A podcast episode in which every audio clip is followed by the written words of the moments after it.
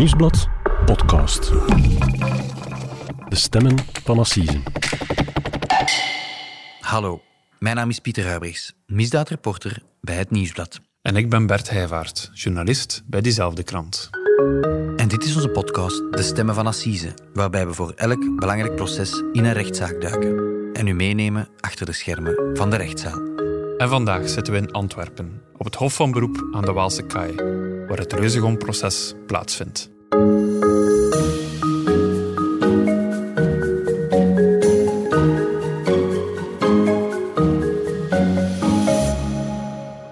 Dag Pieter. Dag Bert.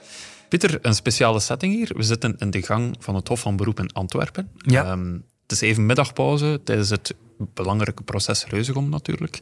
En eh, ja, we praten eens bij over de voorbije week. Eh, er is hier wel een beetje bedrijvigheid, heb ik de indruk. Veel volk. Uh, ja, want het is natuurlijk toch van beroep, dat is iets heel groot. Er zijn verschillende zalen en er gaan los van Reuzegom natuurlijk ook tientallen andere rechtszaken hierdoor. Ja. Dat hoor je ook aan de achtergrond. Hè. De advocaten komen toe, de mensen komen toe en ja, de, zaken, de zaken gaan verder. Er is meer in het leven dan Reuzegom, ook al is Reuzegom natuurlijk de belangrijkste zaak van het ja, jaar. ja. Komt er hier veel publiek kijken eigenlijk naar het proces zelf? De zaal zit vol. We moeten ons echt, eh, ja, eh, we zitten als mieren samen in het, eh, op de persbanken. Ja, er is heel veel belangstelling. dat is terecht, maar je moet weten, ja, achter ons zitten ook de ouders van de Reuzegommers, de familie, de vrienden van Sanda. Het is een, het is een bonte mengelmoes en er hangt wel een gespannen sfeertje soms. Ja, ja, ja. Nu, laten we eens terugkijken op de voorbije week. Ehm, het is maandag begonnen en nu zijn we donderdag. Momenteel zijn de verhoren van de reuzengommers bezig. Ehm, wat is er jou al het meest opgevallen? Wie sprong eruit? Het is, eh, er, er zijn heel veel dingen die eruit sprongen. Eh, nu, het, het meest cruciale moment van het proces voorlopig, denk ik, is de, de, om- de omhelzing die er heeft plaatsgevonden tussen eh, Zaatje, de prezes van Reuzegom, die, die een emotioneel betoog hield en die na afloop ging zitten op zijn beklaagdersstoel, en de mama, die na de schorsing eigenlijk ja, Zaatje kruiste.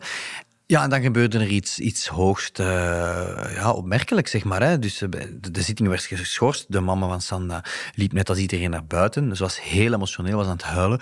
En eh, legde haar arm om de schouder van, van, van Zaatje, de prezes. En er volgde een korte omhelzing. ehm, in het midden van de zaal. En dat is, ja, dat is redelijk ongezien dat je midden in een in proces, dat je zo'n soort vergevingsmoment krijgt. Dat was, dat was emotie, daar zat heel veel spanning op, daar zat heel veel schuldgevoel ook achter, denk ik. Omdat het contact tussen Sanda en de mama was voor de doop, de jaren voordien, enorm verwaterd geraakt. Dus ja, daar, daar zitten heel veel emoties die samenkomen op dat ogenblik. En ja, was een, een zeer opmerkelijk moment. En, en ja, misschien wel een kantelpunt in dit proces. Ja, want hoe reageerde de zaal dan? Dat is, zoals je zegt, een heel onverwacht moment. Ehm, ja, wat gebeurt er verder? Ja, dat was een zeker ongeloof. eh, want ja, wij maakten ook aanstalten om naar buiten te gaan. En dan ineens voor onze ogen gebeurde dat. En was van, oh, oké, dit gebeurt. En, en je zag bij de andere burgerlijke partijen heel veel verwondering van, wat Oh, gebeurt ja. hier nu? De Reuzegom-advocaten ja, vonden dat een heel mooi, waardig moment. Van kijk, ja...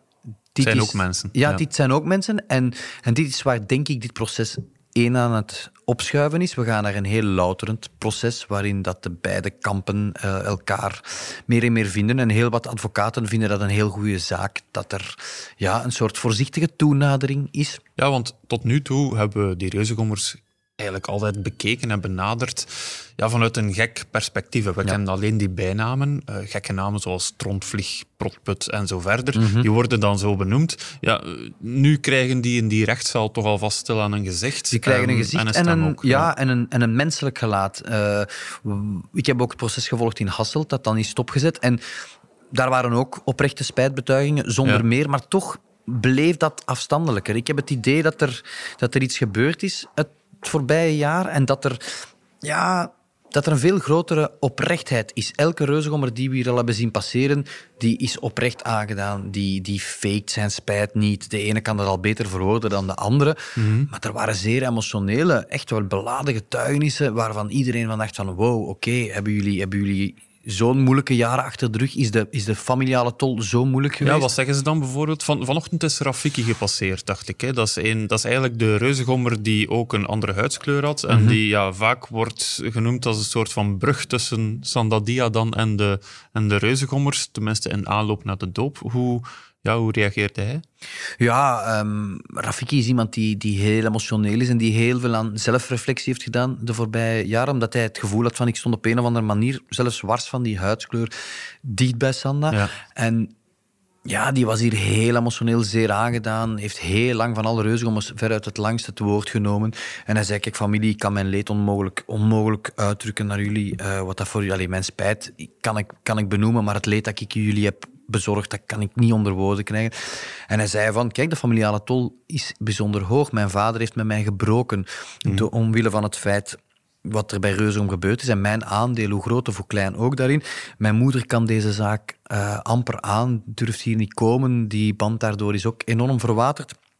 Ik ben een heel deel van mijn vrienden kwijt. Het is heel moeilijk om werk te vinden. Want kijk, ja, de vraag is, moet je zeggen meteen... Want ik ben betrokken in een lopende rechtszaak als reuzegommer. We hebben hier de voorbije dagen wel wat reuzegommers de revue zien passeren. Die mhm. zeiden van, kijk, begin maar eens te solliciteren.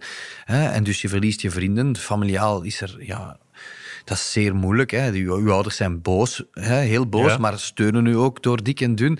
Je moet dat proberen afstuderen. Je wordt van de universiteit gegooid. Je wil werk zoeken, desnoods in het buitenland. Dat is moeilijk. Dat komt dan uit dat je bij Reuzegom zat. Hmm. Die combinatie van al die factoren, de, ook de druk van de media en ook de heel grote druk van de sociale media, maakt dat je hier wel met een heel emotionele cocktail aan emoties zit. Ja. Hoe reageerde eigenlijk de familie op die hele zaak? Want ja, zij zijn natuurlijk de nabestaanden van het slachtoffer. Uh, ik heb het dan over de broer, over de, de vader van Sanda. Ja. Um, ja, hoe kijken zij naar alles wat er gebeurt nu in de zaal? Wel, zij willen zich voorlopig, en dat lukt ook, zeer waardig, sereen, rustig houden. Zij zijn nog niet aan het woord gekomen en zij voelen absoluut de nood niet om, om te knuffelen met uh, reuzengommers. Ja, dus daar is wel een zekere discrepantie. Zij, zij luisteren geboeid en oprecht naar wat die reuzengommers zeggen. Ja, um, Natuurlijk blijven zij heel boos om het feit dat niemand hier opheldert van wie heeft die vissaus toegediend. Het zijn mhm. natuurlijk ineens wel heel brave jongens die het heel hard te verduren hebben. Dat klopt voor een heel groot stuk, maar niet vergeten dat het Openbaar Ministerie zware straffen tegen hen eist, omdat ze natuurlijk van alles mispeuterd hebben. De onopzettelijke doding van Sanda.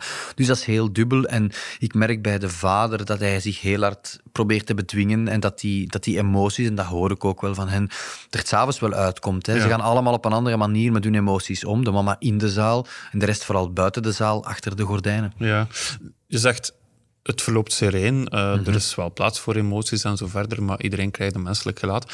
Nu, dat valt mij op omdat na dag twee kregen we vooral een, een heel hard pleidooi van Sven Marie te lezen. Hè. Die zegt van, uh, dat was de Champions League van de ranzigheid, we gaan die man een brand merken.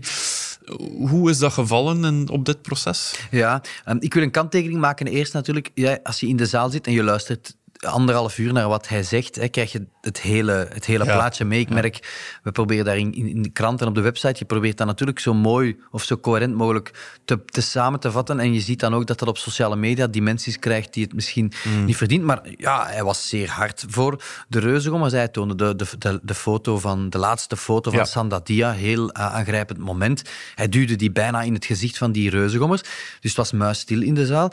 Maar hij sloot ook af door te zeggen van kijk, jullie verdienen een, een, soort, ja, een soort keurmerk, een soort brandmerk, um, waarmee hij wil bedoelen, hè, want ik heb het hem uit, uiteraard gevraagd wat hij daarmee bedoelt, want er, was wel, er werd wel geschokt op gereageerd, ook door de advocaten van Reuzengommers. En hij zei me van, ja, waar gaat het om? Um, hij ziet niet dat die mijn naam en foto en identiteiten uh, op bushokjes moeten geplakt worden. Daar gaat het niet om. Maar wel dat de maatschappij weet van dit zijn de dokters, de rechters, de ingenieurs, de advocaten van morgen misschien. Die hebben iets heel vreselijks gedaan of zij waren daarbij betrokken. De maatschappij moet op een of andere manier wel weten, een zeker stigma, een zeker, een zeker besef, dat zij iets hebben aangericht en dat zij dat eigenlijk misschien wel voor de rest van hun leven op een of andere manier professioneel moeten ja, hoe zie jij het eigenlijk, Pieter? Want um, ja, het is natuurlijk zo dat er um, op TikTok momenteel de namen rondgaan van, van de reuzengommers, de echte namen met uh, voor- en achternaam. Mm -hmm. Iets wat eigenlijk in de gewone media nog nooit is verschenen. Um, ja, daar worden ze dan ook wel gebrandmerkt, uh, kan je zeggen. Hoe kijk jij daarnaar? Mm Dat is voor alle duidelijkheid al veel langer bezig dan, dan, dan sinds het pleidooi van Sven Marie.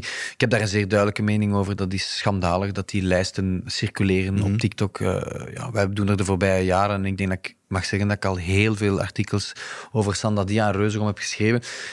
We hebben hun identiteiten nooit onthuld, hoogstens hun initialen. Het zijn jonge gasten, uh, die worden hier berecht. Uh, zij verdienen het niet om mijn naam en toenaam op sociale media te Want worden Ze zijn nog altijd onschuldig tot het tegendeel bewezen is. Natuurlijk, ja. En ik snap wel de, de commentaar dat zij op sociale media gelincht worden. Het leeft heel hard bij jongeren. Het is een heel Mhm. belangrijk maatschappelijk proces. 100% akkoord. Er moet veel over bericht worden. En, en dat iedereen daar een mening over heeft aan de toog, allemaal goed en wel. Maar dat er natuurlijk adressen en dergelijke van, van beklaagden worden gedeeld, waardoor dat ouders ook worden lastiggevallen op hun werk en zo. Ja, ja, ja. Dat is een schande. En dat is geen grote groep, maar die, die hebben natuurlijk wel, die verspreiden van alles op TikTok. Dat wordt massaal gedeeld en mensen kijken ernaar. En dat krijgt wel grote dimensies, want dat was blijkbaar de voorbije dagen al 400.000 keer Oh, bekeken. dat is gigantisch. Dat is gigantisch. Ja, ja, ja. Nu, gaat dat eh, repercussies hebben op het proces, op een strafmaat, eh, op de manier waarop dat ze hier eigenlijk gaan berecht worden? Het zou niet mogen meespelen. Hè, Bert. Zij moeten beoordeeld worden op wat er in het strafdossier staat en wat er hier publiekelijk ter zitting wordt gezegd. Ehm, ik denk dat hun oprechte spijtbetuigingen en, hun, en de pleidooien van de, van de Reuzegom advocaten mogelijk die strafeis naar beneden zullen krijgen. Hè. In principe mag het niet meespelen, maar iedereen ja, beukt wel in namens de verdediging op, op de commotie die er, die er op sociale media is Ah, ja, ja. en ook op tv, optredens van advocaten en dergelijke. Dat speelt allemaal... Het zou geen rol mogen spelen, maar dat speelt uiteraard een rol. Je voelt wel dat die reuzengommers voor een deel al publiekelijk gestraft zijn. Mhm. Dus mijn aanvoeling is wel dat de rechtbank daarvoor een stuk in gaat meegaan. Ja, dat zullen we wel zien eh, op het moment dat er een uitspraak komt. Nu is er nog een proces tot en met maandag. Is er dan ook al direct een uitspraak? Het is zo dat de arrest allicht nog een maand op zich laat wachten. Hè. Het zal een zeer lijvig arrest worden. Eh, je zit met zes kwalificaties. De, de rechtbank moet eigenlijk die 18 reuzengommers allemaal één voor één toetsen aan elk van die kwalificaties. En dat dus juridisch onderbouwen waarom die mannen schuldig dan wel onschuldig zijn. Dat is een, dat is een heel karwei. Dus ja, we zullen toch eh, al gauw maar een maand moeten verder tellen voor we weten eh, of er reuzengommers zijn die naar de gevangenis zullen moeten gaan. Wat ik niet meer denk dat gaat gebeuren. En welke straffen ze dan zullen krijgen. Ze zullen allemaal allicht gestraft worden. De vraag is in welke mate. Ja, oké. Pieter, heel erg bedankt om even tijd te maken hier. Ik ga jou terug laten gaan naar het proces. En wij gaan voor eh, de stem van Assise nog even over naar een ander proces. Een proces dat eigenlijk ook heel wat eh, commotie heeft veroorzaakt deze week.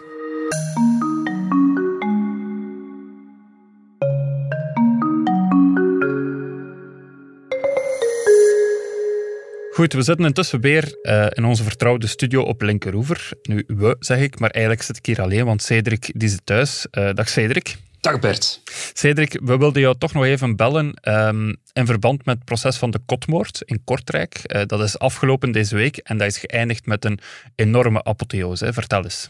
Ja, klopt. Eh, en een apotheose, ja, eigenlijk een, een, een knaller eigenlijk. Want eh, de beschuldigde, Mohamed Moussaoui, die heeft daar plots, net voordat de jury in beraad zou gaan, bekentenissen afgelegd. Hij heeft plots bekend dat hij wel degelijk twee moorden heeft gepleegd. Ja, dat is heel opvallend, want hij heeft altijd ontkend dat hij die moorden heeft gepleegd. Hè? Meer dan vier jaar lang eigenlijk. Ja, het was vooral heel onverwacht. Hè. Hij heeft niet alleen vier jaar lang blijven ontkennen dat hij die twee moorden heeft gepleegd. Hij heeft dat ook zijn hele proces. Had was hij dat blijven zeggen. Hij hield vol dat hij Julia Soboleva niet vermoord had. Hij heeft, op de eerste dag van zijn proces is hij uitgebreid ondervraagd door, door voorzitter Vincent Verreken. En daar hield hij vol eh, dat het zijn liefdesrivaal, Nessar Yamshiri, moet zijn geweest die haar heeft gedood. Hij, hij zei, ik heb niks te maken met de dood van Julia. Ze was het meisje van mijn dromen. Ja, en hij zei dan, ik heb Nessar wel gedood, maar dat was zelfverdediging.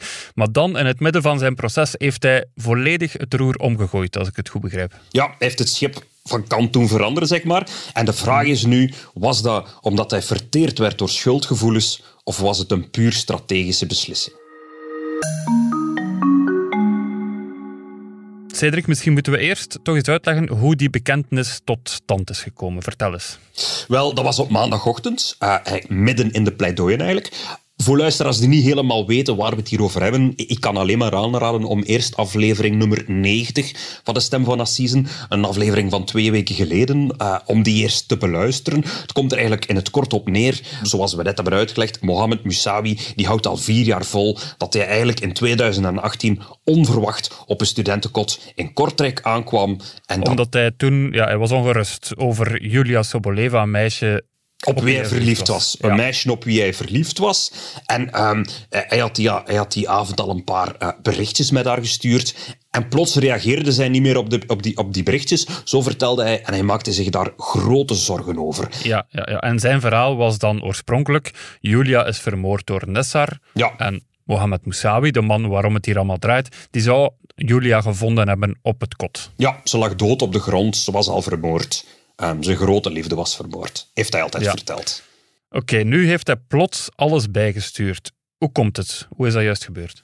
Wel, zoals gezegd, het was op maandag. Het, het, het proces was op dat moment eigenlijk bijna al zo goed als voorbij. Hè. Uh, alle getuigen waren al achter de rug en de pleidooien waren begonnen. En s ochtends vroeg de voorzitter nog aan hem, wilt u nog iets verklaren? Mm, dat gebeurt wel vaker op, op assisen, ja. Dat gebeurt vaker, maar Moussawi ging daar toen nog niet op, op in. Uh, en toen moesten eerst de burgerlijke partijen pleiten. Dat zijn de advocaten van de slachtoffers. En Jan Leijzen, de advocaat van de familie van Julia, die vroeg Moussawi op dat moment om de waarheid te vertellen. Zeg nu eindelijk wat u met Julia gedaan hebt, zei hij. En daarna somde hij alle argumenten op waarop bleek eigenlijk dat Moussawi moest liegen, dat hij op het proces niet de waarheid had verteld. En onder andere het bloedsporenonderzoek, waar we het in de podcast over gehad hebben, dat was een groot bewijsstuk voor hem dat Moussawi eigenlijk uh, aan het liegen was. En een andere advocaat, Wouter Puik, die noemde hem in de rechtszaal een lafaard. Ja, zijn dat dan woorden die hard zijn binnengekomen, waar, waardoor dat hij zijn eigen, ja, zijn eigen schuldgevoel voelde opborrelen? Of wat moet ik me voorstellen? Wel, volgens Celina Casetta, dat is onze collega die de zaak gevolgd heeft, moet dat toch een beetje een indruk gemaakt hebben op hem. Hij, hij zal ook beseft hebben dat zijn leugens doorprikt waren, denk ik. En dat ja, hij, dat hij sowieso ging veroordeeld worden. En dat hij niet ging geloofd worden. Hmm. En na de middag, dus na die eerste pleidooien, stond hij plots recht en zei hij ik wil iets verklaren, het is genoeg geweest, ik kan niet meer. Alles wat ze hier zeggen, dat heb ik gedaan. Ik kan het mezelf nooit vergeven.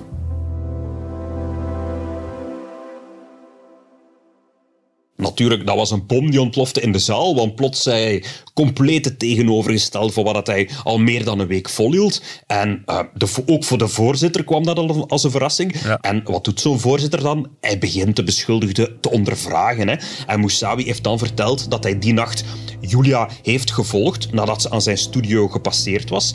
En hij wou haar terug. Hij was nog altijd verliefd op haar, maar zij zag hem niet meer staan. En hij heeft haar gevolgd door de straten van Kortrijk, maar hij moet daar onderweg kwijt zijn geraakt. Hij, hij, zag haar niet meer. En uiteindelijk raakte Moussawi toch aan het studentenkot van Nessar, haar nieuwe vriend, zeg, of liever haar mm. oude vriend, waar zij was binnengegaan. Hij is daar ook binnengegaan, maar daar is hij de eerste keer weggejaagd. Want Julia en Nessar die dreigden ermee dat ze de politie zouden bellen. En dat was genoeg voor hem om te vertrekken. Maar je zegt hij vertrekt dan, maar daarna is hij terug opgedoken aan het kot. Ja, drie uur later is hij opnieuw opgedoken aan het studentenkot. Hij zegt, ik ben gaan slapen, ik ben in bed gekropen, maar ik kon niet slapen. Ik heb de hele nacht liggen woelen in dat bed en uiteindelijk ben ik terug opgestaan. Ik heb terug mijn kleren aangegaan en ik kwam aan dat studentenkot en door het raam, al van op straat, hoorde ik ze lachen in het studentenkot. En dat ging door zijn hart, wanneer hij besefte dat de vrouw waar hij op verliefd was, dat ze daar zat met een andere man. Mhm. En Nissar is nog naar beneden gekomen om met hem te praten in de keuken en heeft gevraagd aan Moussawi om hen met rust te laten. Maar Moussawi, ik kon het niet verkroppen dat ze iemand niet had. Moussawi is nog naar de lift gelopen. Nessar is hem achterna gegaan. En aan de lift heeft Moussawi uiteindelijk Nessar neergestoken met een mes dat hij toen bij had. Hij heeft dat dus niet afgenomen van Nessar. Hij was effectief al met het mes naar daar gezet. Het was een mes dat hij had meegenomen. Hij wist op voorhand al wat hij ging doen, heeft hij ook toegegeven. En daarop is hij ook naar boven gegaan. Hè. Is naar het studentenkots gegaan waar Julia was. Julia zat daar op een stoel, heeft hij verteld. Het mes had hij verstopt onder zijn t-shirt. En hij moet daar eigenlijk direct hebben aangevallen. En meer dan veertig keer hebben neergestoken. Ik kon niet meer stoppen, heeft hij verteld in de rechtszaal. Hij heeft toen minutenlang gehuild in de rechtszaal. Wel, wij hadden hem wel uitgenodigd bij het begin van ons pleidooi om de waarheid te zeggen. Ervan overtuigd zijnde dat hij heeft gelogen van het begin tot het einde. En cliënten hebben recht op de waarheid. Liefst uit zijn mond. Het heeft ons aangenaam verrast dat hij dat dan toch gedaan heeft na een hele voormiddag pleidooi. Ja. Heeft u uh, uw cliënten al kunnen spreken na de bekentenis? Zeker. En ja, die mensen het is een beetje zalf op de wonden. De wonde blijft natuurlijk verschrikkelijk. Ze zijn hun dochter, hun zus zijn ze kwijt. Uh, niet dat alles nu meteen goed is. Maar het is toch goed dat hij dat gedaan heeft. Het, het helpt hen. Ik heb het gezien aan hun reacties. Ik heb ook zeer fijne, nobele cliënten die niet haatdragend zijn. Het zal hen helpen in de verdere verwerking van dit toch wel eeuwige leed. We hoorden hier advocaat Jan Leijzen, de advocaat van de familie van slachtoffer Julia Soboleva, bij onze collega Celina Cassetta. Um, Cedric, zo'n bekentenis midden op een assiseproces, dan maken we toch eigenlijk niet vaak mee. Nee, zeker niet, want ja, bij de meeste assiseprocessen staat er op voorhand al heel veel vast. Hè. Ja. De verdachte is opgepakt, er is forensisch bewijs gevonden, er is DNA-bewijs, de beschuldigde heeft daarop vaak ook al bekentenissen afgelegd en eigenlijk in de rechtszaal gaat het dan alleen nog maar over het invullen van een paar vragen, van een paar details, zoals heel vaak de voorbedachtheid. Hè. Was de dader al op voorhand van plan om die moord te plegen of is in een opwelling gebeurd? Dat zijn de vragen waar het dan over gaat. Ja. En, en bovendien ook, er verlopen makkelijk vier jaar tussen een misdaad en een proces. Mhm. En dan, dan heb je als dader, als beschuldigde, dan heb je tijd om na te denken. Hè? Mhm. Ja. Want eigenlijk, wie naar de volksjury stapt en zegt dat hij onschuldig is en daar ook zijn onschuld volhoudt, die heeft daarover kunnen nadenken. Die heeft daarover kunnen beraadslagen met zijn advocaat ook. Als je dat dan nog zegt van ik ben onschuldig, ik ga voor de vrijspraak, dat is een strategie en je stapt daar niet makkelijk vanaf. Daar is over nagedacht. ben ik verkeerd als ik denk dat, dat zoiets eigenlijk alleen maar op een assiseproces kan gebeuren? Want ja, er zijn ook veel, nog veel correctionele processen en zo, maar daar wordt dat verhaal niet in het lang en breed uitgedaan. Dus ook niet zo emotio- emotioneel. Ehm, Nee, ik, ik denk wel dat je daarin gelijk hebt. Want ja, zo'n assiseproces, dat duurt meerdere dagen, soms meer dan een week. En, en zo'n dossier wordt dan dagenlang onderzocht. De beschuldigde wordt verhoord. Maar ook in de dagen daarna wordt hij telkens weer geconfronteerd met wat de andere mensen over de zaak zeggen. En dan wordt hij ook geconfronteerd met de gaten in zijn verhaal. hè. Onze collega Mark Liffman heeft onlangs strafpleiter Jan de Man daarover geïnterviewd. Ja. En de man maakte dat zelf ook mee op het proces over de moord op veekeurder Karel van Noppen Ja. in 2002. bekend proces, ja. Ja, heel bekend proces. En een van de daders, een van de beschuldigden, was Karel de Schutter. En die bekende na de getuigenis van de weduwe van Van Oppen dat het wel degelijk van bij het begin het plan was om Van Oppen te vermoorden. En waarom bekent zo'n dader dan op zo'n moment? Want ja, is het dan in overleg met zijn, met, zijn, met zijn advocaat of waarom doet hij dat dan? Ik denk dat zo'n dader dat zelden uit compassie met de slachtoffers doet. Ik, ik denk dat hij dat vooral doet omdat hij beseft dat hij niet geloofd zal worden. En ik denk dat het vaak een, een ultieme poging is om toch nog een lichtere straf te krijgen.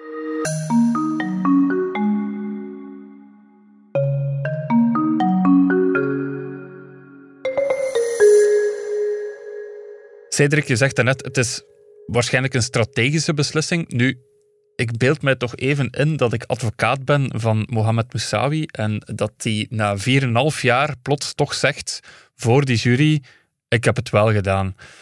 Hoe reageer je dan als advocaat? Want dit was waarschijnlijk niet doorgesproken met hen. Maar het lijkt er toch op dat ze niet op de hoogte waren. Nee. Want eigenlijk al aan de start van het proces hadden zij gezegd dat ze voor de vrijspraak gingen.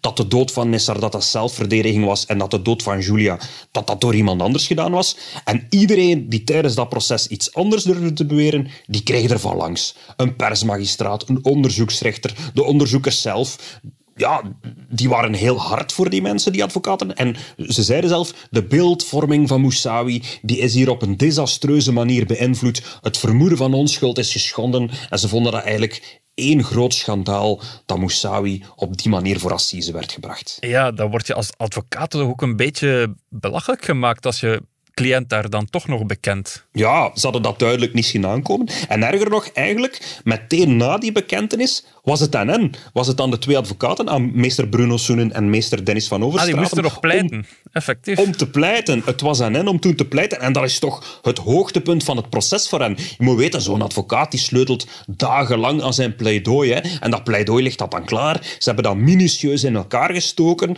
Zo'n pleidooi, dat kan uren duren. En ze waren eigenlijk klaar om heel omstandig te gaan uitleggen waarom hun cliënt onschuldig was. Of dat er toch tenminste genoeg twijfel zou moeten zijn om hem vrij te spreken. Ja. En dan doet hun cliënt dit. Ja. En, En dan- en hoe, hoe klonk dat pleidooi dan uiteindelijk? Wel, ja, het, het klonk vooral niet, want één krant heeft het het, het kortste pleidooi ooit genoemd. Want in, in plaats van uren en uren heeft het wel geteld één minuutje geduurd. Van Overstraten zei, we zijn stom verbaasd. Ik heb zin om mijn toga uit te doen en hiermee in de beschuldigde box te gaan zitten. Soms moet je de schoonheid van de bekentenis laten omringen door stilte. We hebben hier niks meer in de mouwen. En hij ging terug zitten. En we kunnen ook luisteren naar een van de advocaten van Musawi, naar meester Bruno Sunnen, die achteraf ook over die bekentenis nog iets verteld heeft. Dat was eigenlijk een heel spontane bekentenis van meneer Moussaoui zelf. Wij waren er eigenlijk niet uh, op voorbereid, maar dat maakt het ook net des te mooier dat hij dat gedaan heeft, want hij is zodanig gekweld door de pijn en het verdriet dat hij gedaan heeft aan de slachtoffers, aan zijn eigen familie, uh, de kwelling ook voor hemzelf. Hij schaamde zich dood. Hij heeft echt oprecht spijt. En ik denk dat dat de reden is waarom hij uiteindelijk beslist heeft om, ook al is dat in C op het allerlaatste moment, dat hij beslist heeft om toch die schuld te bekennen, want de waarheid is toch belangrijk voor iedereen, hè? iedereen in de maatschappij. En het werkt louterend voor iedereen. En ik ben hem heel erg dankbaar voor die moedige beslissing, want die is echt niet evident. Ja, dan de hamvraag natuurlijk. Hebben die bekentenissen uiteindelijk ook iets uitgehaald voor zijn strafmaat? Wel, Mohamed Usawi is uiteraard schuldig bevonden aan de dubbele moord. Dat was geen verrassing. Hij heeft de twee moorden bekend. Daar kon hij niet over uit. Het ging dan uiteraard uh, over de straf nog. Hè. Openbaar aanklager Serge Malefasson die eiste levenslang. Niet ongewoon voor zo'n brutale twee moorden. Ja. Maar het werd uiteindelijk 30 jaar cel. Dat is eigenlijk één trapje lager. Ja, en of dat uiteindelijk door die bekentenis kwam of door andere redenen, dat zal misschien nooit uh, helemaal duidelijk zijn. In elk geval, bedankt Cedric om dit verhaal nog eens uit te leggen. En we zien jou waarschijnlijk volgende week gewoon terug hier in de studio. Graag gedaan, Bert. Tot volgende week. Tot volgende week. Dit was De Stemmen van Season, een podcast van het Nieuwsblad. De stemmen waren deze week van Pieter Huibrechts, Cedric Lagast en van mezelf, Bert Heijvaart. Onze dank gaat uit naar Celina Casetta voor de audiofragmenten en de montage gebeurde door Benjamin Hertogs van House of Media. De productie was in goede handen bij Rune Smets en Lander Loods.